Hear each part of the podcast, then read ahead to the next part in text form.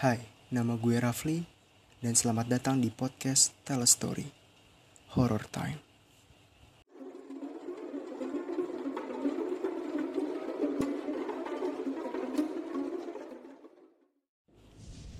Selamat datang di podcast Tell a Story Horror Time.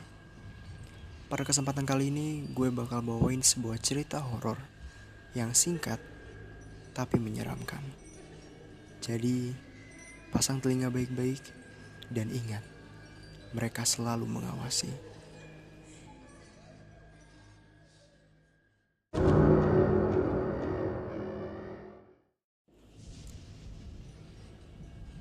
Pada suatu hari, seorang remaja bernama Aris sedang bersantai di depan rumahnya.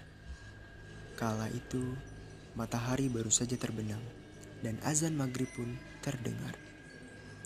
Dari dalam rumah, terdengar suara ibu yang menyuruh Aris masuk ke dalam rumah karena waktu maghrib telah tiba.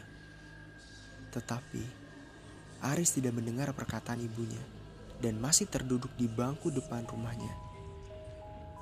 Aris pun terus asik memainkan game di handphonenya dan terus berada di luar rumah sampai jam menunjukkan pukul 8 malam. Saat itu, Aris yang lelah sehabis main game langsung masuk dan menyalakan televisi di ruang tengah. Sang ibu yang melihat Aris baru saja memasuki rumah langsung memarahinya dan mengingatkannya tentang larangan berada di luar rumah saat waktu maghrib. Aris tak percaya dengan tahayul seperti itu.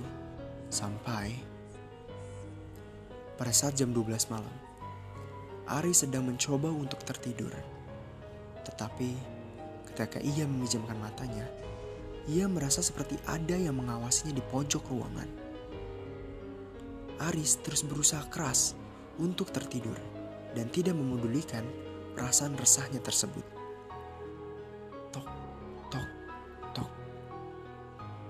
Aris mendengar pintu kamarnya diketuk.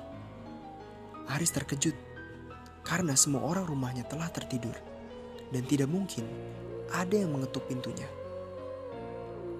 Aris kembali mencoba untuk tertidur dan tidak memedulikan ketukan pintu tadi. 15 menit pun berlalu dan Aris belum kunjung tertidur. Tok, tok, tok. Suara ketukan kembali terdengar. Tetapi kali ini bukan dari pintu, tapi dari jendela sebelah tempat Aris tidur. Aris mencoba untuk positive thinking. Mungkin itu hanyalah anak-anak yang sedang ronda. Iseng mengetuk jendela kamarnya. Tok, tok, tok. Ketukan itu terdengar lagi, dan Aris masih enggan untuk membuka matanya.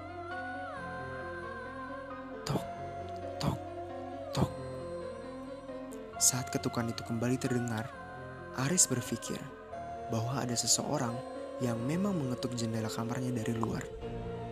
Mungkin saja itu salah satu teman Aris. Aris pun memutuskan untuk membuka matanya dan terkejut melihat sesosok kuntilanak dengan wajah yang hancur dan senyum yang mengerikan menatap dirinya yang sedang terbaring di tempat tidurnya. Tok, tok, Toh, ternyata itu bukan kentukan dari arah luar, melainkan dari arah dalam. Sesosok yang menatap Aris itu mengetuk jendela sekali lagi. Dan cerita pun selesai.